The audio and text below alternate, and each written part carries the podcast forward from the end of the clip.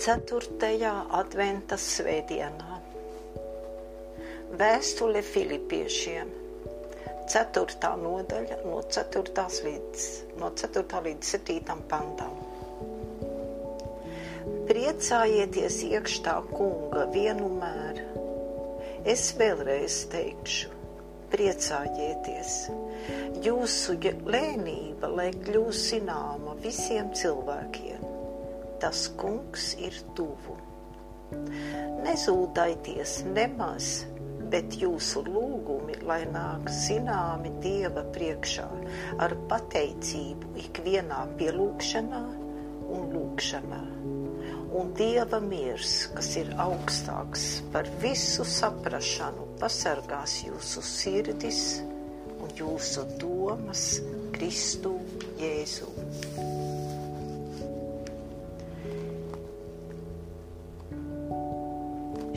Ir īsa vēstule, taču tajā ietverta liela un nozīmīga kristīga mācība.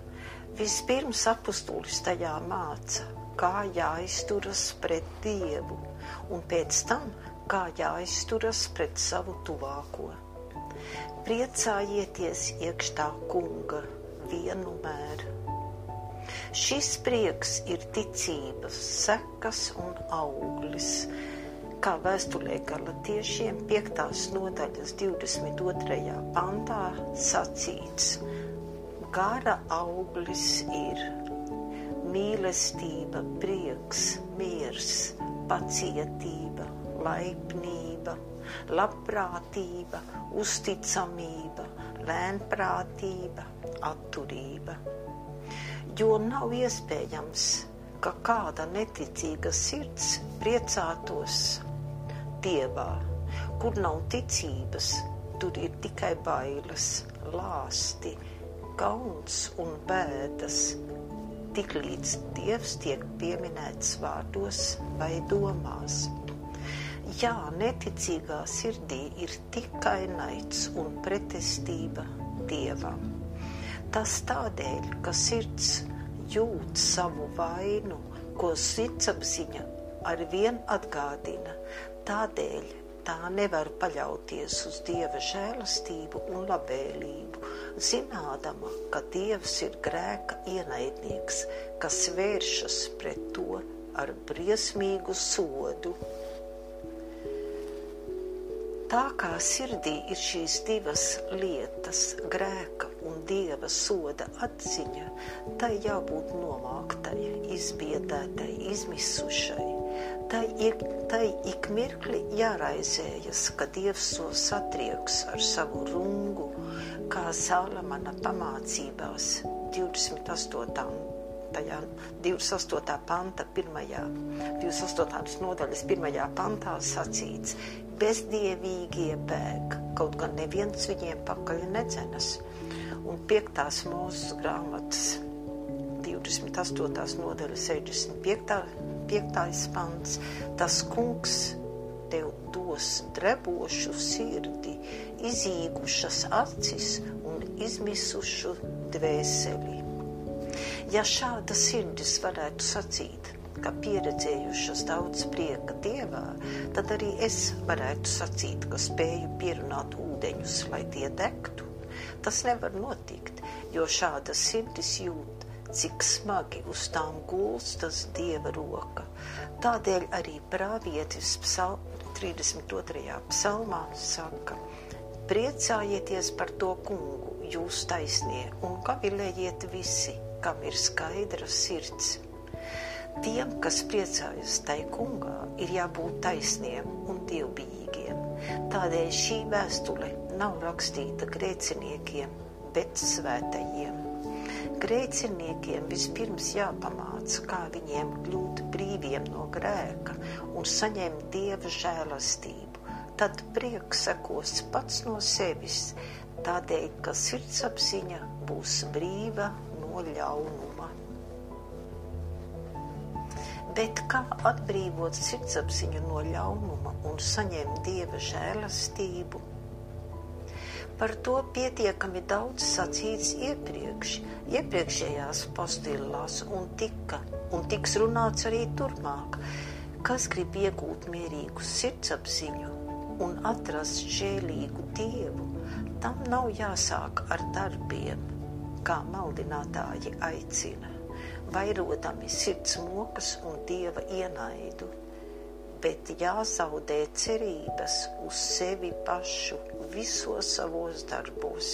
Un jāsatver Dievs Kristu, jāsaņem evaņģēlijs un jātic tam, ko tas apsola. Bet ko gan citu evaņģēlijs apsola, kā to, ka mums tiks dots Kristus, kas nesīs mūsu grēkus, kļūdams par mūsu augsto priesteri, starpnieku, aizstāvi Dieva priekšā, un tā vienīgi caur Kristu un Kristus nopelnu mūsu grēki tiks piedoti. Mēs tiksim samierināti ar Dievu, un mūsu sirdsapziņa kļūs brīva un attaisnota. Kad šī evaņģēlija ticība ir patiesi uzņemta sirdī, Dievs tai kļūst mīļš un dārgs, jo sirds viņā jūt vienīgi žēlastību un labvēlību tā iegūst pilnīgu paļāvību un nebaidās no dieva soda. Tā ir droša un labprātīga, tādēļ, ka dievs tai parādījis tādu neizsakāmu žēlastību un pilnīgu labumu Kristū. Tā no šādai ticībai seko mīlestība, prieks, miers, pateicība dziedāšana, slavēšana, un cilvēks jūt sirsnīgu labpatiku pret Dievu, kā pret savu mīlestības un žēlastības pilno tēvu, kas pret cilvēku izturas tevišķīgi un bez jebkāda cilvēka nopelna, tik bagātīgi izlēj pār viņu savu žēlastību. Redzis, svētais Pāvils šeit runā par tādu prieku. Tajā nav ne grēka, ne nāves, ne elles baiļu, bet ir vienīgi prieka pilna, visspēcīga paļāvība uz Dievu un viņa žēlastību. Tādēļ apustulis to nosauc par prieku tai kungā. Tas nav prieks par zeltu un sudrabu, nec arī prieks ēšanā un ceršanā, nec arī līgsmībā un ciedāšanā, nec spēkā un veselībā, nec gudrībā un prasmē, nec godā un varenībā, nec draudzībā un labēlībā, jā, arī ne labos darbos un svētumā, jo tie visi ir tikai mānīgi, neīsti prieki, kas nekad nesasniedz sirds dziļumus un nepilda sirdi, tā, ka par tādiem priekiem varētu sacīt, cilvēks gan priecājas, bet viņa sirds to neizjūta. Bet priecāties par to kungu nozīmē paļauties uz viņu lepoties un lielīties ar to kungu kā savu žēlīgo tēvu. Šāds prieks nicina visu, kas nav no tā kunga, arī cilvēka svētumu, kā Jeremijas grāmatā sacīts. Gudrais, lai nelielās ar savu gudrību, stiprais, lai nelielās ar savu spēku, bagātais, lai nelielās ar savu bagātību bet kas grib lielīties, lai lielās ar savu atziņu, ka viņš mani pazīst, ka es esmu tas kungs, kas uztur virs zemes žēlastību, patiesību un taisnību. Tāpat svētais Pāvils pirmajā vēstulē korintiešiem, pirmās nodaļas 31. pantā saka, kas lielās, tas lai lielās ar to kungu Viņš arī saka, šim priekam jābūt pastāvīgam. Te apustulis uzrunā tos, kas gan priecājas Dievā, slavē viņu un pateicas viņi, viņam, ka tiem klājas labi, bet tik līdz klājas slikti, prieks pazūda. Kā 48. psalmā lasām.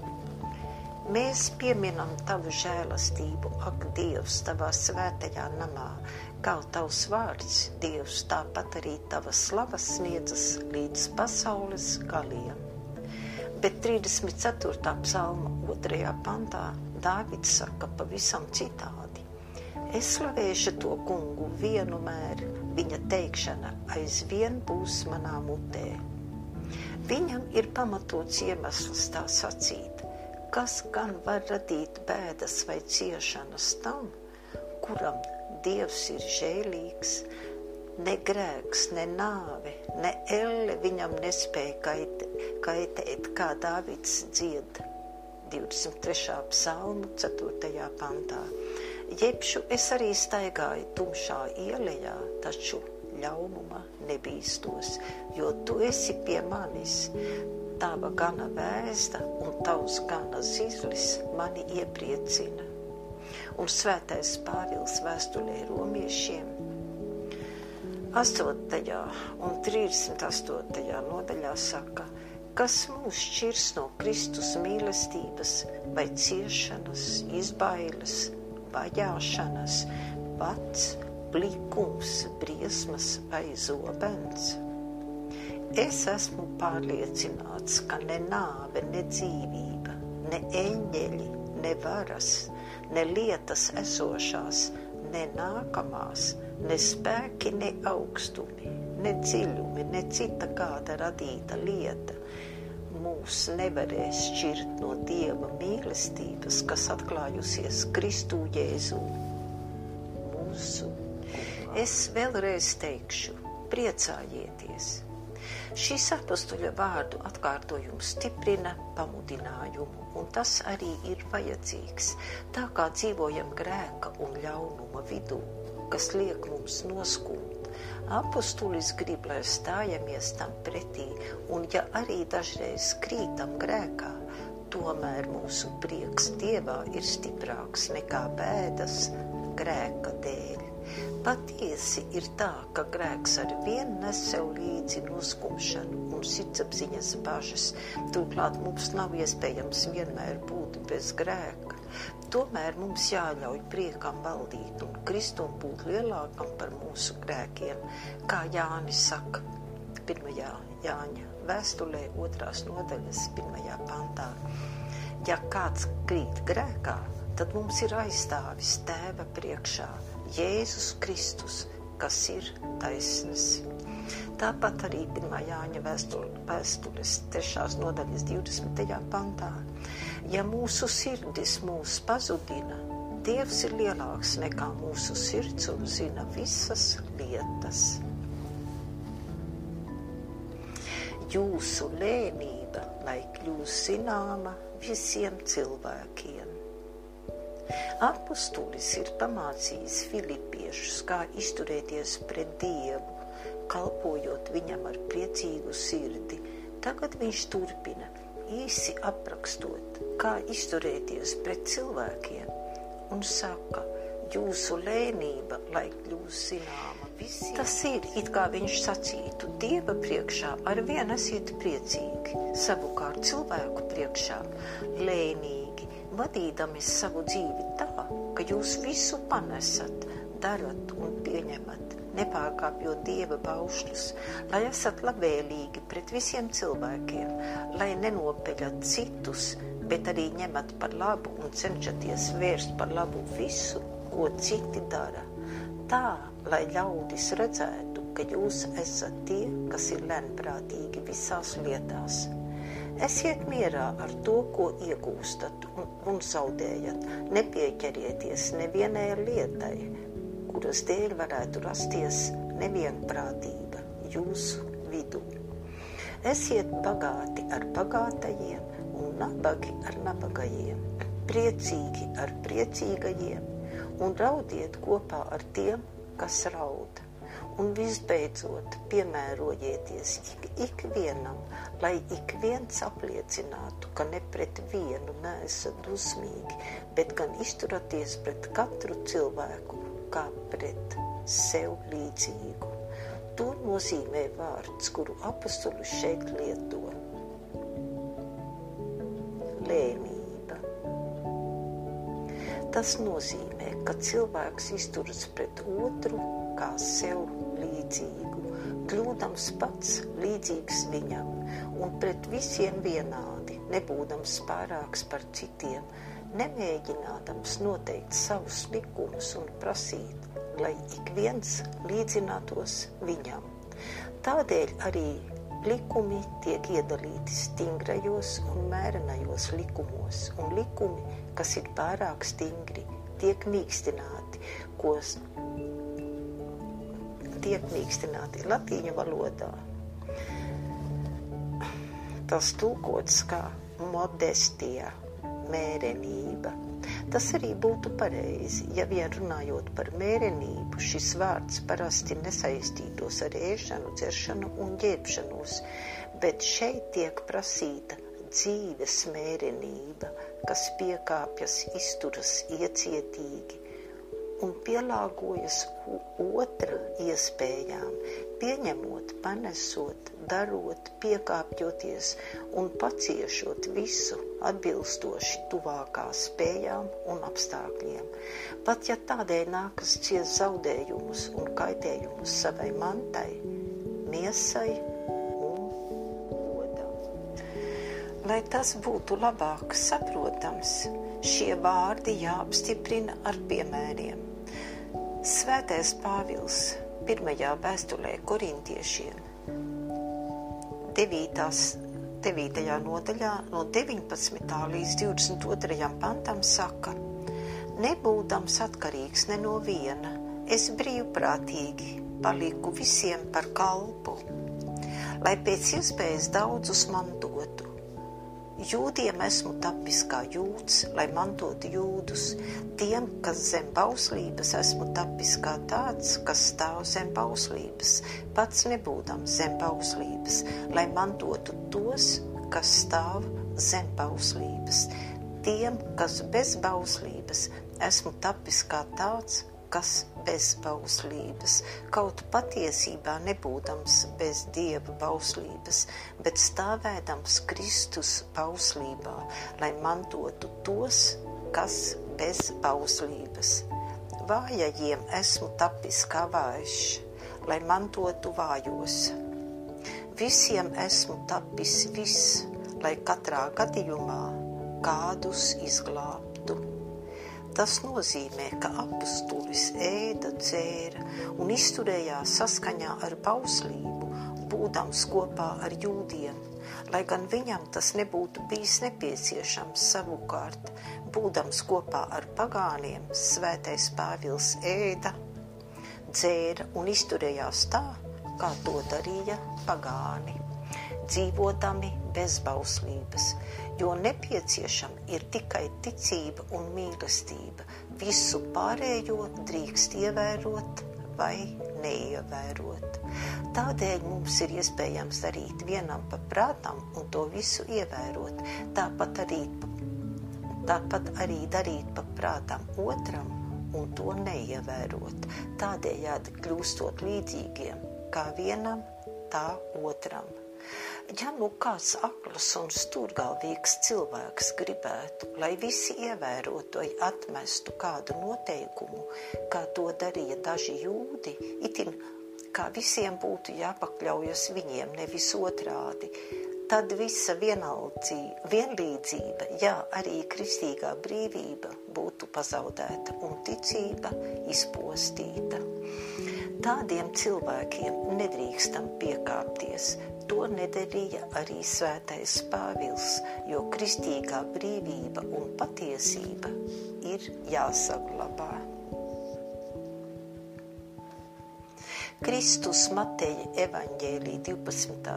12. nodaļā no 1. līdz 8. pantam un Marka evaņģēlija 2. nodaļas 23. un 28. pantā ļāva saviem mācekļiem pārkāpt sabata noteikumus, un arī pats nereizi vien to darīja, kad tas bija nepieciešams. Bet, ja tādas vajadzības nebija, arī viņš ievēroja sabata noteikumus un pamatoja savu rīcību, sacīdams: Cilvēka dēls ir kungs arī pār sabatu. Tas ir sabats atstājams katra brīvai izvēlei. To nedrīkst pārkāpt, parādot mīlestību un kalpojot. To drīkst pārkāpt, parādot mīlestību un kalpojot citiem cilvēkiem, vai arī ievērot mīlestībā pret citiem. Tāpat svētais Pāvils apgraizīja Timoteju jūdu dēļ, kā lūk to apliecina Turpretī Titu svētais Pāvils negribēja apgraizīt, lai gan jūdi to uzstājīgi pieprasīja, negribēdami atstāt apgraizīšanu katra brīvai izvēlei. Apustulis gribēja, lai to darītu, kalpojot citiem cilvēkiem, bet nevis uzspiestu paša darba dēļ, itin kā tas būtu nepieciešams.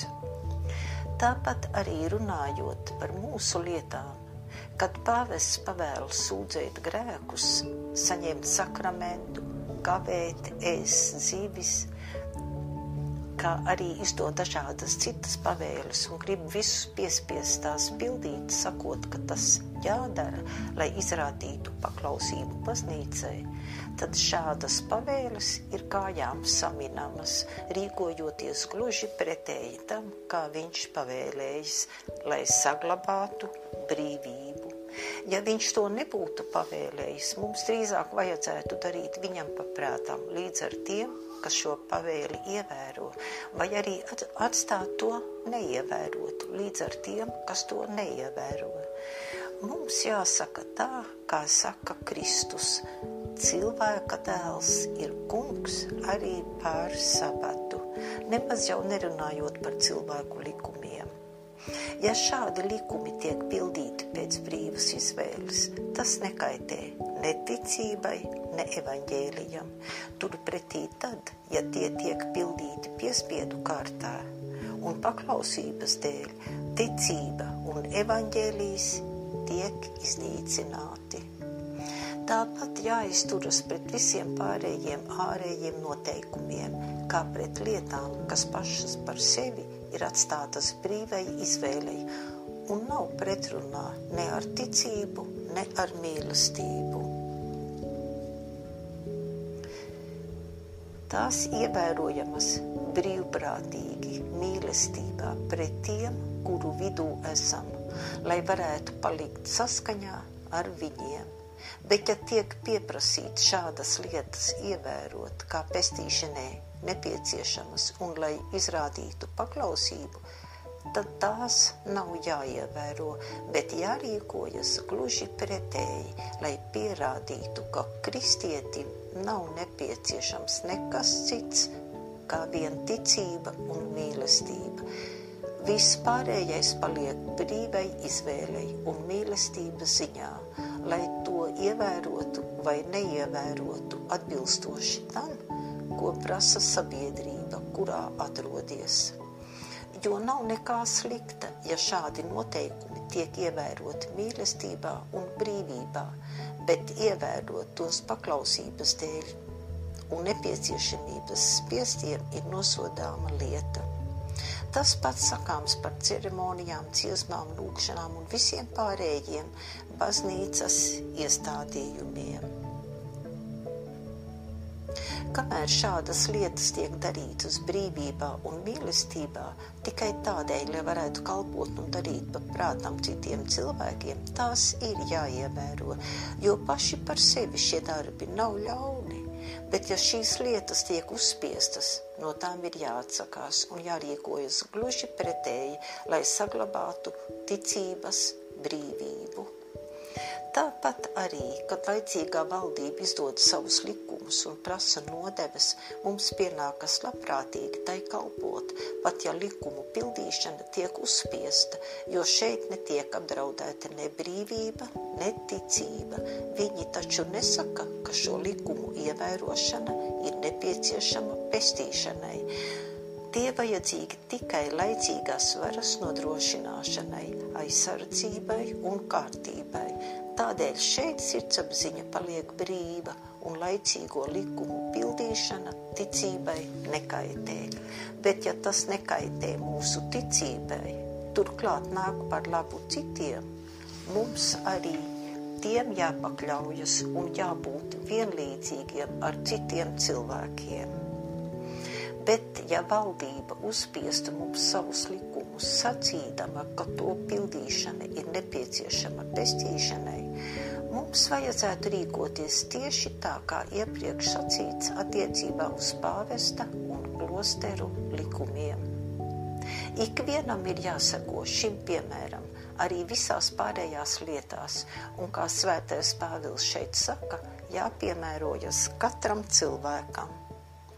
Jābūt gatavam kalpot viņiem, lai neviens neraudzītos uz savām tiesībām, nec censtos tās īstenot, bet ņemtu vērā otra gribu un vajadzības, jo šeit svētais Pāvils atceļ visas tiesības ar vienu vienīgu vārdu.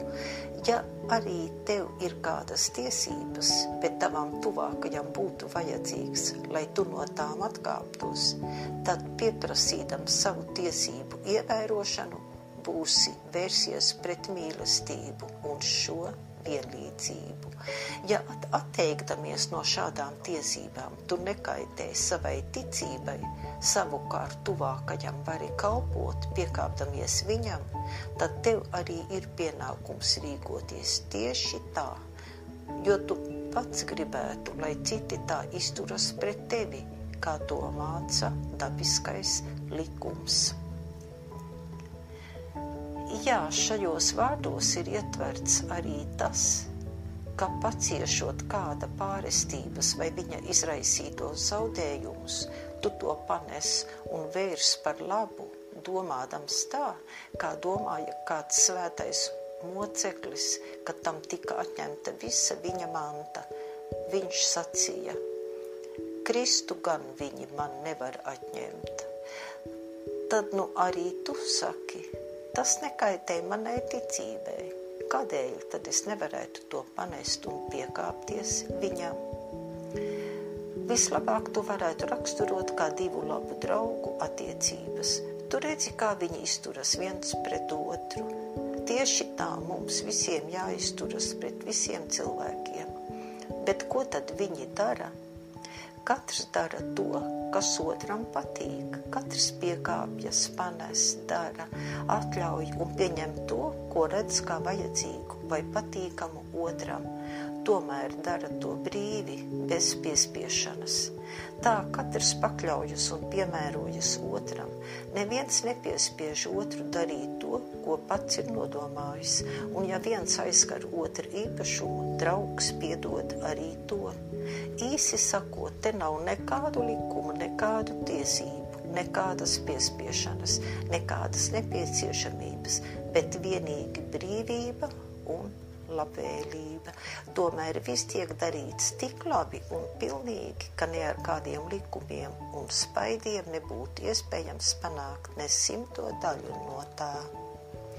Turpretī stūrgalvīgie tiem, kam pietrūks lēmprātības, kas nekad nevienam neko nepiedod, bet visus grib vadīt un piespiest rīkoties pēc viņu prāta, tie samulsina visu pasauli un kļūst par visu karu un posta cēloni virs zemes, un vainīgie vēlāk apgalvo, ka rīkojušies taisnības vārdā.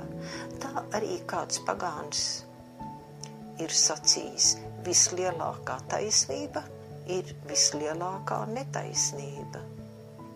Tāpat arī Sālamans saka, neesi pārlieku taisnas un neturi pats sevi par pārlieku gudru. Jo kā lielākā taisnība ir lielākā netaisnība, tā arī lielākā gudrība ir vislielākā muļķība. To pašu izsaka sakām vārds - gudro muļķības ir pārāk lielas. Ja Dievs gribētu strikt izmantot savas tiesības, mēs nedzīvotu ne mirkli, bet svētais Pāvils slavēja Kristu šādu lēnību, sacīdams otrajā vēstulē korintiešiem: Es, Pāvils, jūs pamācu ar Kristus lēnprātību un laipnību, lai arī mēs zinātu, zinām mēru, aizstāvēdami savu prātu, savu taisnību, gudrību un tiesības, un piekāpjamies cits citam ikvienā lietā, ievērodami citu vajadzības. Bet ievēro vārdus, kas šeit tiek sacīti, jūsu lēnība, lai kļūst zināma visiem cilvēkiem Varbūt tu sacīs, kā gan visiem cilvēkiem var kļūt zināma kāda cilvēka lēnprātība. Tāpat arī, vai tad mums piederas lepoties ar savu lēnprātību cilvēku priekšā, no tā, lai Dievs mūs pasargā. Nav taču sacīts, lielieties un slavējiet sevi, bet gan, lai tas kļūst zināms visiem cilvēkiem Tas ir parādiet savu lēnprātību darbos, cilvēku priekšā. Nevis domājiet vai runājiet par savu lēnprātību, bet aplieciniet to ar savu dzīvi un darbiem, lai ik viens to varētu redzēt, atzīt un pamanīt, lai nevienam par jums nebūtu sakāms nekas cits, kā vien tas, ka esat lēnprātīgi, lai jūsu lēnprātība būtu visiem redzama, lai katram pat tam, kas labprāt būtu sacījis par jums ko citu, nāktos to atzīt un klusēt, dzirdot citus cilvēkus, apliecināt, apliecinām jūsu lēnprātību. Kā arī Kristus saka Mateja evaņģēlija 5. nodaļas 16. pantā. Tāpat, lai jūsu gaisma spīd ļaužu priekšā, ka tie ierauga jūsu labos darbus un godā jūsu tēvu, kas ir debesīs.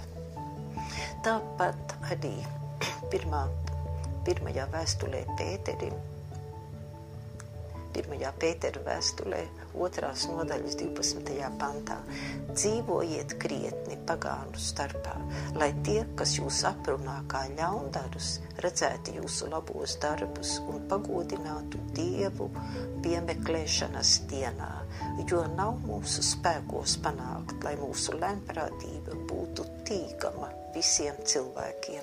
Mums nav jādara nekas vairāk, kā vien jāļauj ikvienam pieredzēt šo mūsu lēmprātību. Jāparāda tā visā mūsu dzīvē.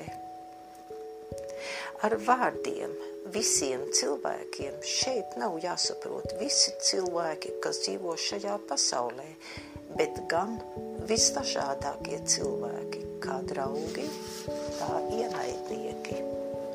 Lieli un mazi, kungi un kalpi, bagāti un nabagi, mūsu zemes ļaudis un ārzemnieki, savējie un svešinieki. Jo bieži redzam, ka cilvēki pret svešiniekiem izturas tik laipni un lēnprātīgi, cik vien tas iespējams, turpretī pret savējiem pret tiem, pie kuriem ir pieraduši, ir pavisam stūrgalvīgi un neiecietīgi. Un cik daudz ir to, kuri lielajiem un bagātajiem piedod visu, cenšas visu vērst par labu un noskaidrot vislabākajā veidā, un, un izskaidrot vislabākajā veidā visu, ko tie saka un dara, turpretī pret kalpiem vai nabadzīgiem un neievērojamiem ļaudīm ir stingri un bargi, attēlodami visas viņu lietas visnelabvēlīgākajā gaismā. Tāpat pret bērniem, vecākiem, draugiem un asins radiniekiem. Ik viens izturas labvēlīgi, cenšas visu vērst par labu un saprasties ar viņiem.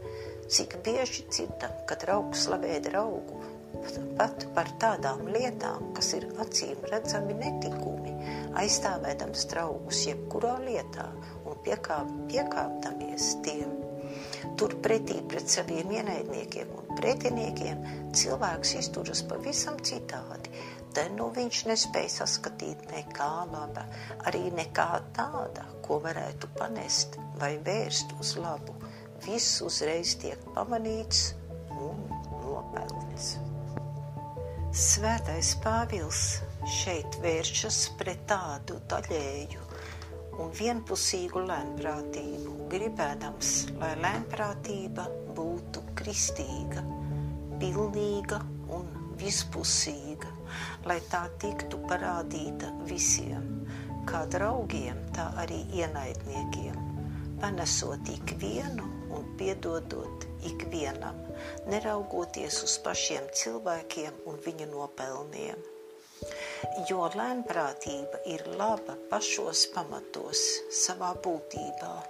Gluži kā zelts paliek zelts neatkarīgi no tā, vai tas nonāk dievbijīga vai netaisna cilvēka rokās. Sudrabs, ko jūda saņēma par savu nodevību, nepārvērtās pelnos. Tātad visas lietas, ko Dievs radījis, ir īstas un patiesas lai arī kādi būtu cilvēki, kas ar tām darbojas. Tāpat arī lēnprātība garā paliek nemainīga, kā drauga, tā ienaidnieka, kā bagāta, tā nabadzīga cilvēka priekšā. Bet viltīgi augstprātīgais cilvēks izturas tā, itin kā zelts svētā Pētera rokā paliktu zelts, turpretī jūdas rokā kļūtu par pelniem. Tā nu dabiskā prātam pieņemamā lēnprātība tiek parādīta tikai bagātajiem, varenajiem, svešiniekiem un draugiem, bet ne visiem cilvēkiem. Tādēļ tā ir nepatiesa, sautīga, melīga, liekulīga. Dieva priekšā šāda šķietami lēnprātīga rīcība nav nekas cits kā viena vienīga krāpšanās – un augstprātīga viltība. Redzinu, cik neiespējami ir cilvēka dabai turēties pie šādas pilnīgas, garīgas lēnprātības, un cik maz ir to, kas apzinās šo trūkumu, tīksminādamies par jauko lēnprātību, ar kādu tiem izdodas izturēties pret dažiem atsevišķiem cilvēkiem un iedomādamies, ka ir taisnīgi un pareizi nebūt lēnprātīgiem pret ikvienu.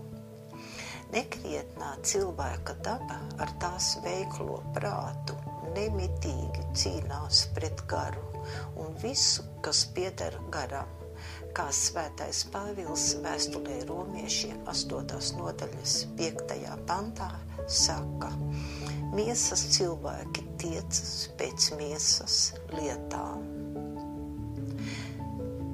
Tā svētais Pāvils šajos nedaudzajos vārdos raksturojas visu kristīga cilvēka izturēšanos pret viņa tuvāko. Lēnprātīgs cilvēks dara labu ikvienam, kā viņa miesai, tā dvēselē, ar vārdiem un darbiem Tāds cilvēks arī panes otra ļaunumu un nekrietnību. Tas nav nekas cits kā mīlestība, miers, pacietība, laipnība, labprātība, uzticamība, lēnprātība, atturība. Tās lietas, kuras svētais Pāvils vēstulē galatiešiem 5. nodaļas 22. pantā nosauc par gara augļiem. Ja nu tu saki, jā, kurš tad var būt drošs, ka viņam izdosies paturēt kaut ko mūsu maizes, dzīvojot ļaunu cilvēku vidū, kas ar prieku izmantos šo mūsu lēnprātību savā labā, lai atņemtu visu, neatstādami mums vietu uz šīs zemes?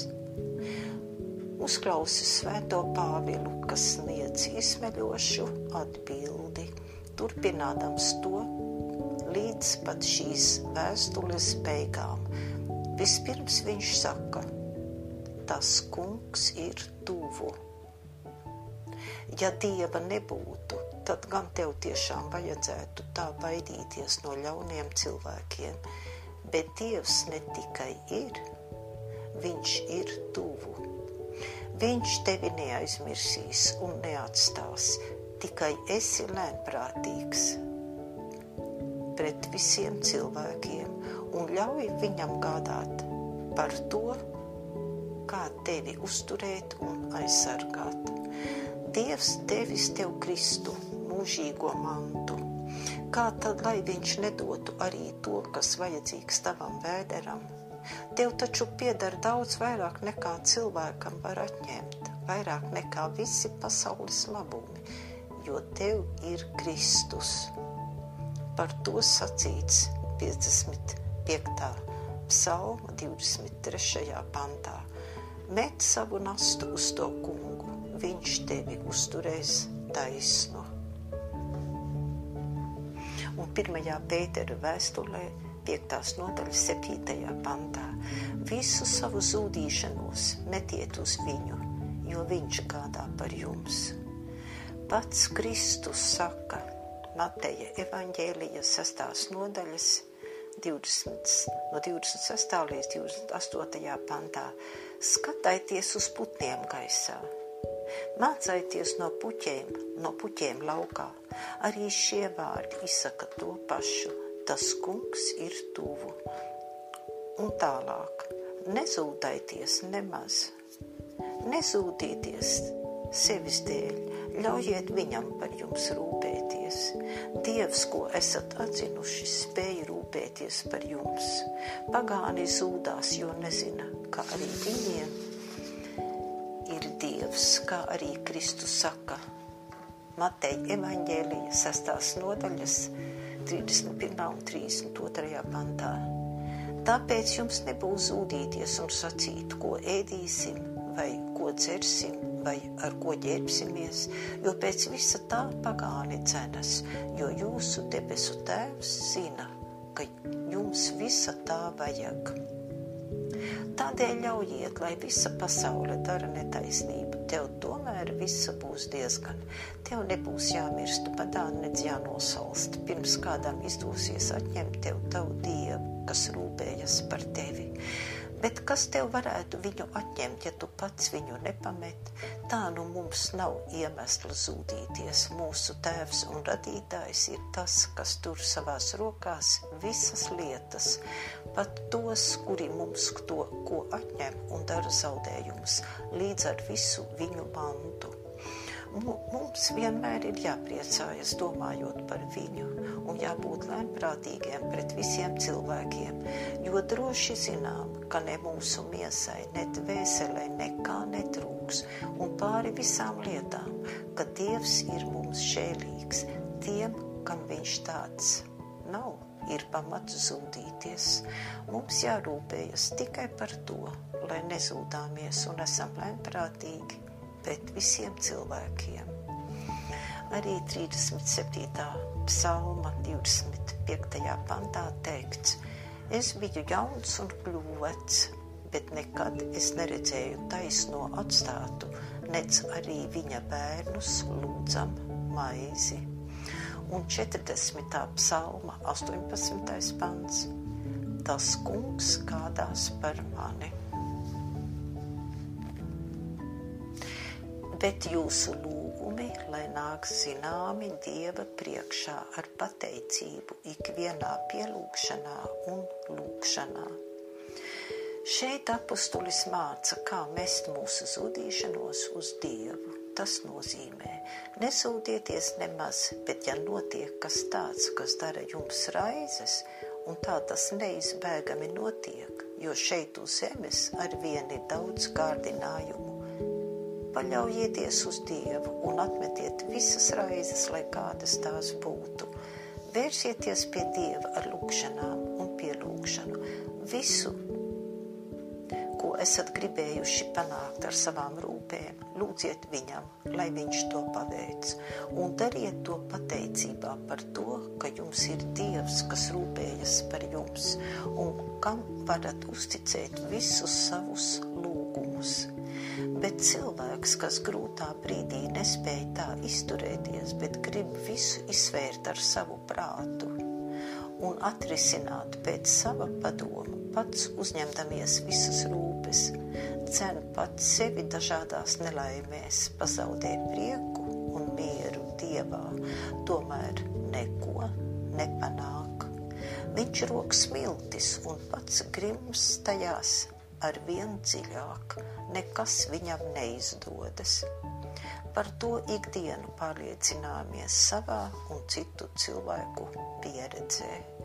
Tas sacīts ne tādēļ, lai kāds iedomātos kļūt pavisam slinks un nolaidīgs, atstāt visas lietas bez ievērības un nelūgt par tām Dievu.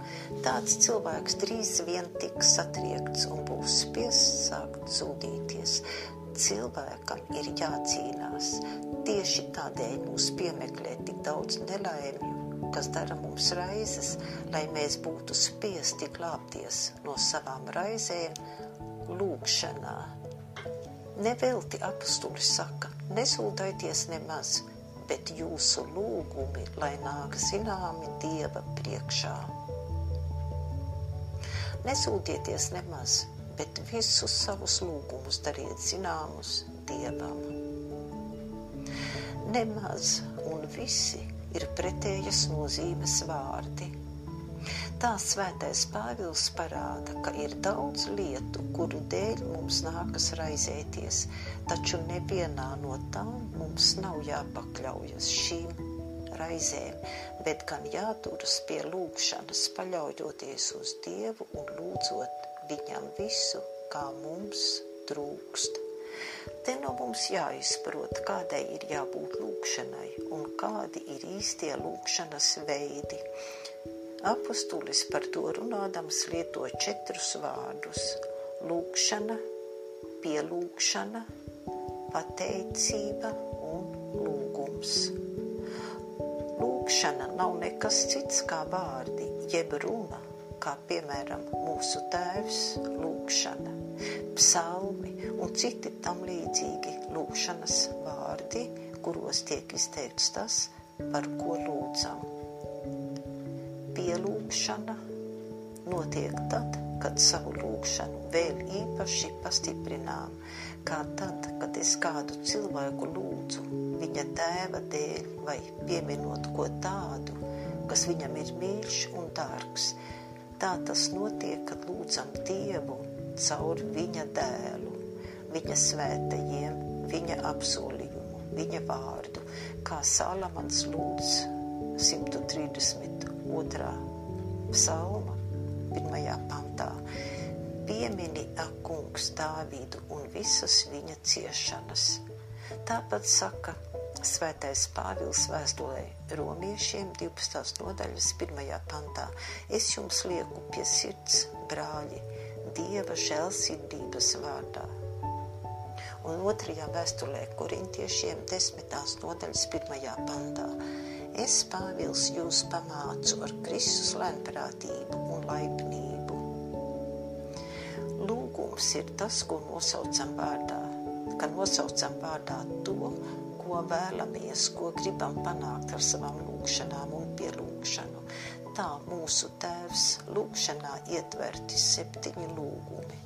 Kristus Mateja evaņģēlijas 7. nodaļa, 7. un 8. pantā saka, lūdziet, tad jums taps dots, meklējiet, tad jūs atradīsiet, klaudziniet, tad jums taps atvērts, jo ik viens, kas lūdz, dabū, un kas meklē, atrod, un tam, kas klaudzina, taps atvērts.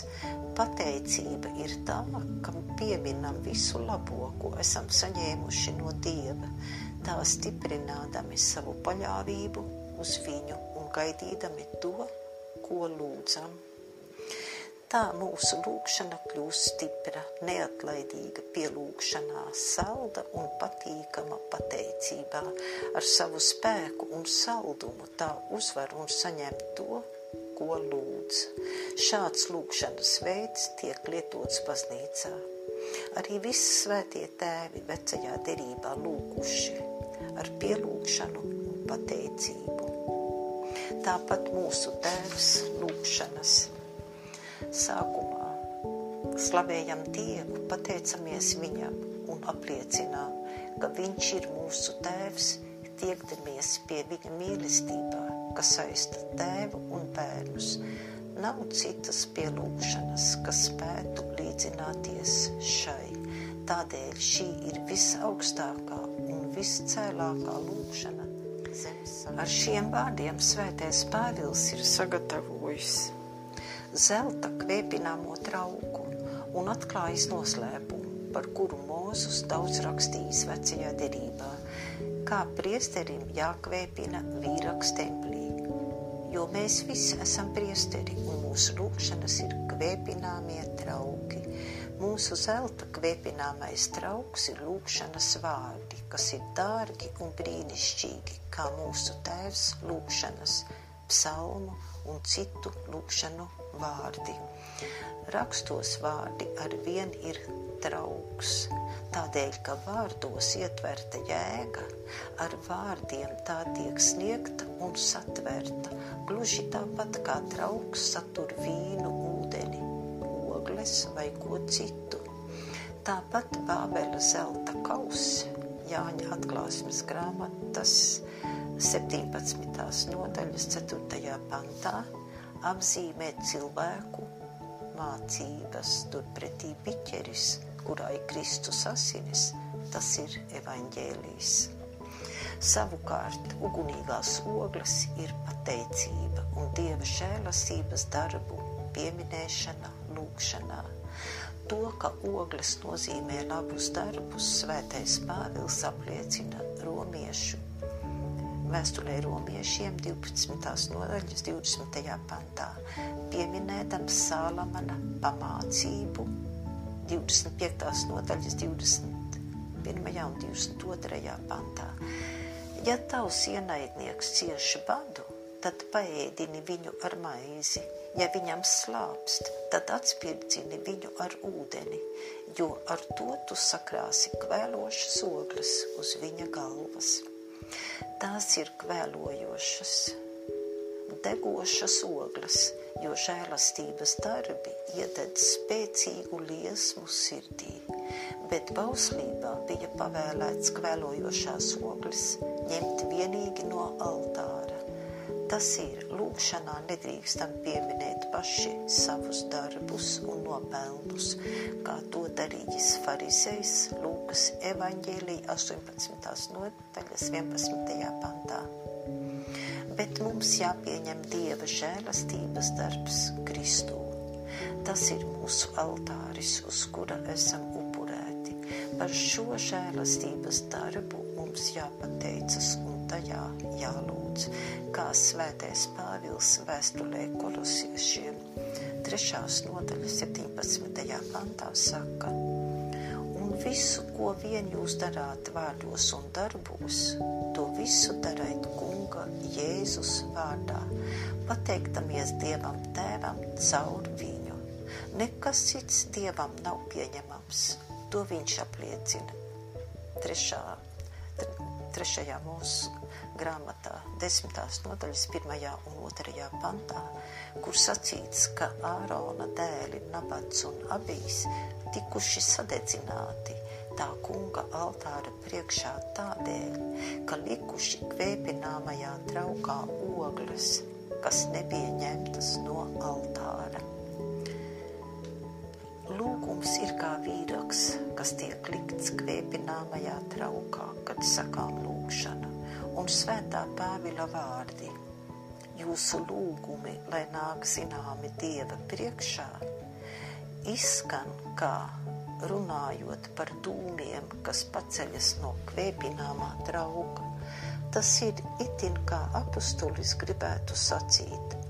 Ja gribat kvēpināt īstu saldu vīraku, kura smarža būtu patīkama dievam, dariet viņam zināmus savus lūgumus ar pielūgšanu un pateicību.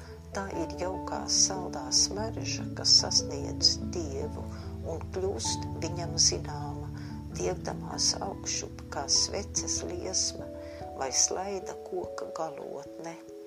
gluži kā vīraka smarža paceļas augšup no kvēpināmā trauka. Šāda lūkšana izlaužas cauri debesīm, jo pateicība un Dieva žēlastības darbs ļauj mums lūgt droši un spēcīgi, bet reizē arī viegli, priecīgi un saldi. Gluži kā kvēlojošas ogles dod spēku vīraka smaržai. Lūkšana ir augsta. Lūkšana ir augsta, smaga un slinka, ja sirds iepriekš nav iedegta ar dieva žēlastības darba oglēm. Kā mūsu lūkšana kļūst zināma dieva priekšā, ja tā nevien ir jau zināma viņam. Pirms esam to izteikuši, bet pats dievs ir tas, kas mudina mūs lūgt. Man jāatbild, svētais Pāvils to saka, lai mācītu mums, kādai jābūt godīgai lūkšanai, proti, lai neizkaisām vārdus pa vējam un nerunājam uz labu laimi, kā dara tie, kas nedomā, vai Dievs viņu lūkšanas uzklausīs. Viņi nekad nevar būt droši, ka tiks uzklausīti. Jā, tiem šķiet, ka drīzāk gan Dievs viņos neklausīsies, bet tā nav ne lūkšana, ne lūguma izteikšana, bet viena vienīga Dieva izaicināšana un izsmiešana.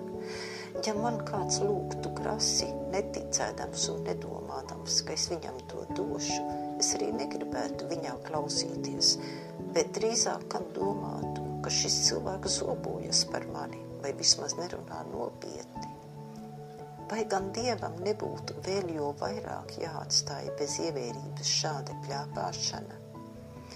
Jo lūkšanai ir jākļūst zināmai dieva priekšā, tas ir mums nav jāšaubās, ka Dievs mūs dzird, ka mūsu lūšanas kļūst viņam zināmas, un mēs noteikti saņemsim to, ko lūdzam. Ja neticam, ka, nena, ka Dievs mūs dzird, ka mūsu lūkšanas kļūst viņam zināmas, tad tās arī nenāk viņa priekšā. Mums notiek tā, kā esam ticējuši. Tādēļ šī augšup kāpjošā vīraka smarža nav nekas cits kā ticība lūkšanā. Mēs ticam, ka mūsu lūkšanas nāk zināmas Dieva priekšā un top uzklausītas. Ar šiem vārdiem svētais Pāvils izsaka to, ko daudzkārt esam lasījuši psalmos. 18. psalma, 7. pants. Viņš sadzirdēja manu balsi savā pilī, un mana brēkšana nāca viņa ausīs. Tāpat 141. psalma, 2. pants mana lūgšana, lai nāk tavā priekšā kā kvēpināmais upuris. Kristus Mateja evaņģēlijā 21. un 22. pantā un Marka evaņģēlija 11. nodaļas 24. pantā par to saka, visu, ko jūs ticībā lūgsiet, to jūs dabūsiet. Ticiet, un jūs dabūsiet un Jēkaba vēstulē pirmās nodaļas no 6. līdz 8. pantam lasām, bet lai viņš lūdz ticībā, nemaz nešaubīdamies, jo kas šaubās līdzinās vēja dzītam un mētātam jūras vilnim, jo tāds cilvēks, vīrs ar dalītu dvēseli, nepastāvīgs visos savos ceļos, lai nedomā, ka viņš no tā kunga ko saņems. Tā nu viegli pamanīt, ka pļāpāšana, kas notiek baznīcās un klosteros, ir viena vienīga dieva apsmiešana un izaicināšana, jo šāda lūkšana gan kļūst zinām visiem cilvēkiem. Kliekšana, kaukšana un baurošana ir visiem dzirdama, bet Dievs par šādām lūkšanām neko nezina. Neviena no tām nenāk viņa priekšā, tādēļ, ka paši lūdzēji nespēja droši ticēt, ka viņu lūgšanas kļūs zināmas Dievam. Kā viņi tic, tā arī tiem notiek. Kaut pienāktu tādi laiki, ka šāda dieva izsmiešana un izaicināšana mitētos, kad tiktu iznīcināti šie zaimotāju nami, kā Amosa grāmatas 7. nodaļā tie tiek nosaukti. Ja vien mēs ievērotu, kādai jābūt pareizai lūkšanai, kas tad būtu tāds, ko mēs nespētu panākt? Bet tagad mēs daudz lūdzam, tomēr neko nesaņemam. Tas tādēļ, ka mūsu lūgumi Dievam tā arī nekļūst zināmi. Ak, pos šādai neticībai un neusticībai. Un Dieva miers, kas ir augstāks par visu saprašanu, pasargās jūsu sirdis un jūsu domas Kristu Jēzu. Redzi, cik labi un rūpīgi svētais Pāvils pamāca ikvienu kristieti. Pirmkārt, kristīgam cilvēkam caur ticību jārod prieks Dievā, tad jābūt lēnprātīgam un labvēlīgam pret savu tuvāko. Bet, ja viņš jautā, kā lai es to spēju, apustulis atbild: Mūsu kungs ir tuvu. Bet ko darīt tad, kad tieku vajāts, ja ik viens cenšas mani aplaupīt? Viņš saka, nezūdies, lūdz Dievu un ļauj viņam par tevi rūpēties. Jā, bet vai to darīdams nepaguršu un nenonīkšu? Nē, Dieva miers tevi pasargās. Aplūkosim, kas ir šis Dieva miers. Dieva miers, par kuru šeit runāts, nav jāsaprot kā tas miers, ar kuru pats Dievs ir apmierināts un mierā ar sevi, bet gan tas miers, kuru Dievs dod mūsu sirdīm, lai mēs būtu apmierināti. Gluži tāpat kā par Dievu vārdu saucam vārdu, ko Viņš uz mums runā, ko dzirdam un kam ticam. Šis miers ir Dieva dāvana Tādēļ mēs saucam to par Dieva mieru. Arī tādēļ, ka tas mums dod mieru ar Dievu, pat ja esam nemierā ar cilvēkiem. Šis miers pārsniedz visas jūtas, prātu un saprašanu. Tas tev nav jāsaprot tā, it kā Dieva mieru neviens nespētu sajust, nedz izjust. Jo, ja mums jābūt mierā ar Dievu, tad mums šis miers jāizjūt savā sirdī un sirdsapziņā. Kā gan citādi Dieva miers varētu pasargāt mūsu sirdis un domas? Tev tas jāsaprot šādi, kad bēdas un pretinieku uzbrukumi piemeklē cilvēkus, kas neprot lūkšanā meklēt glābiņu pie Dieva, bet sāk zūdīties, viņi arī meklē mieru tādu mieru, ko prāts spēja aptvert un saņemt. Taču prātam ir pieņemams vienīgi miers, kas iestājas, kad viss ļaunais ir zudis. Šāds miers nepārsniedz saprašanu, bet atbilst tai. Tādēļ arī šādi cilvēki plosās un pūlas pēc sava prāta, gribēdami sasniegt mieru, iznīcinot visu ļaunumu arī ar varu un viltu. Kam ir kāda brūce, tas tiecas pēc veselības, bet tiem, kas rod prieku Dievā, ir diezgan ar to vien, ka viņiem ir miers ar Dievu.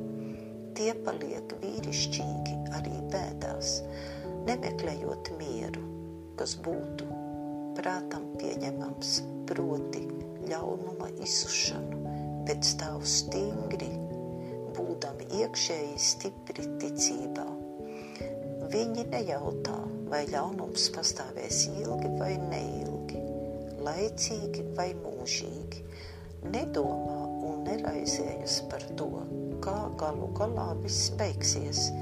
Viņi ļauj Dievam visu vadīt un kārtot, necenšamies noskaidrot, kad, kā, kur un caur ko tas notiks. Tādēļ arī Dievs parāda viņiem savu žēlastību, darīdams ciešanām tādu galu un sniegdams viņiem tik daudz laba, ka neviens cilvēks to nebūtu uzdrīkstējies iedomāties, nec vēlēties. Redzi, to sauc par krusta mieru, dieva mieru, sirdsapziņas mieru. kristīgu mieru, kas dara cilvēku arī ārēji mierīgu, tā ka viņš ir mierā ar visiem un neceļ nemieru. Neviens prāts nespēja panākt, ne saprast to, ka cilvēka zem krusta rod prieku un nemiera vidū mieru. Tas ir Dieva darbs, kas nav pazīstams nevienam citam, kā vien tam, kurš šo mieru iepazinis. Par to sacīts jau iepriekš otrajā adventa svētdienā, runājot par svētā Pāvila vēstules vārdiem. Bet cerības devējs Dievs, lai piepilda jūs ar visu prieku un mieru ticībā. Tas ir miers ticībā, kuru šeit apustulis nosauc par Dieva mieru. Tā svētais Pāvils parāda, ka ikvienam, kas grib priecāties Dievā un dzīvot lēnprātībā, Velns uzkraus krustu, lai aizkavētu pildīt šo nodomu un novērstu sirdi no šādām domām.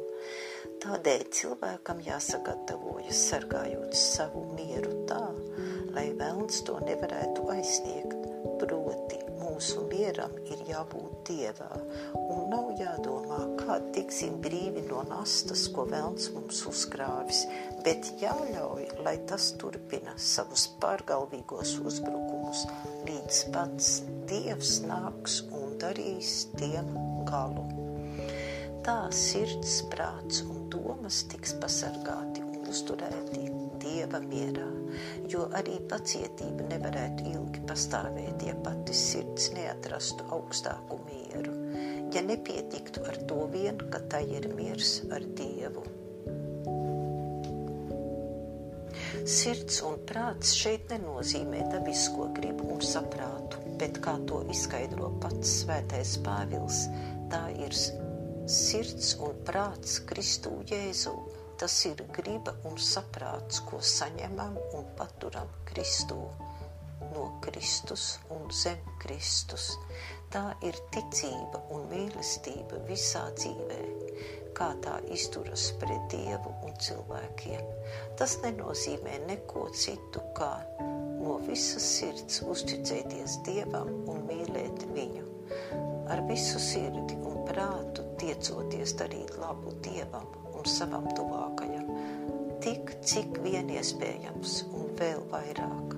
Šādu sirdi un prātu velns piemeklē un mēģina novērst no iesāktā ceļa ar draudiem, bailēm, nāvi un visādām nelaimēm, izdomādams dažādas cilvēku lietas, lai cilvēks meklētu mierinājumu un palīdzību pats sevī un pie cilvēkiem un tad viņš jau ir atkritis no dieva un iegrimis savās raizēs. Tā nu šī vēstule īsā veidā sniedz pamācību kristīgai dzīvei attiecībās ar Dievu un cilvēkiem. Proti, mums jāļauj, lai Dievs mums būtu viss, un pret cilvēkiem jāizturas kā pret sev līdzīgiem, lai, marē, lai mēs pret cilvēkiem būtu tādi, kāds Dievs ir pret mums. Mums jāsaņem no Dieva un jādod cilvēkiem. Viss iepriekš teiktais ietverams vārdos - ticība un mīlestība.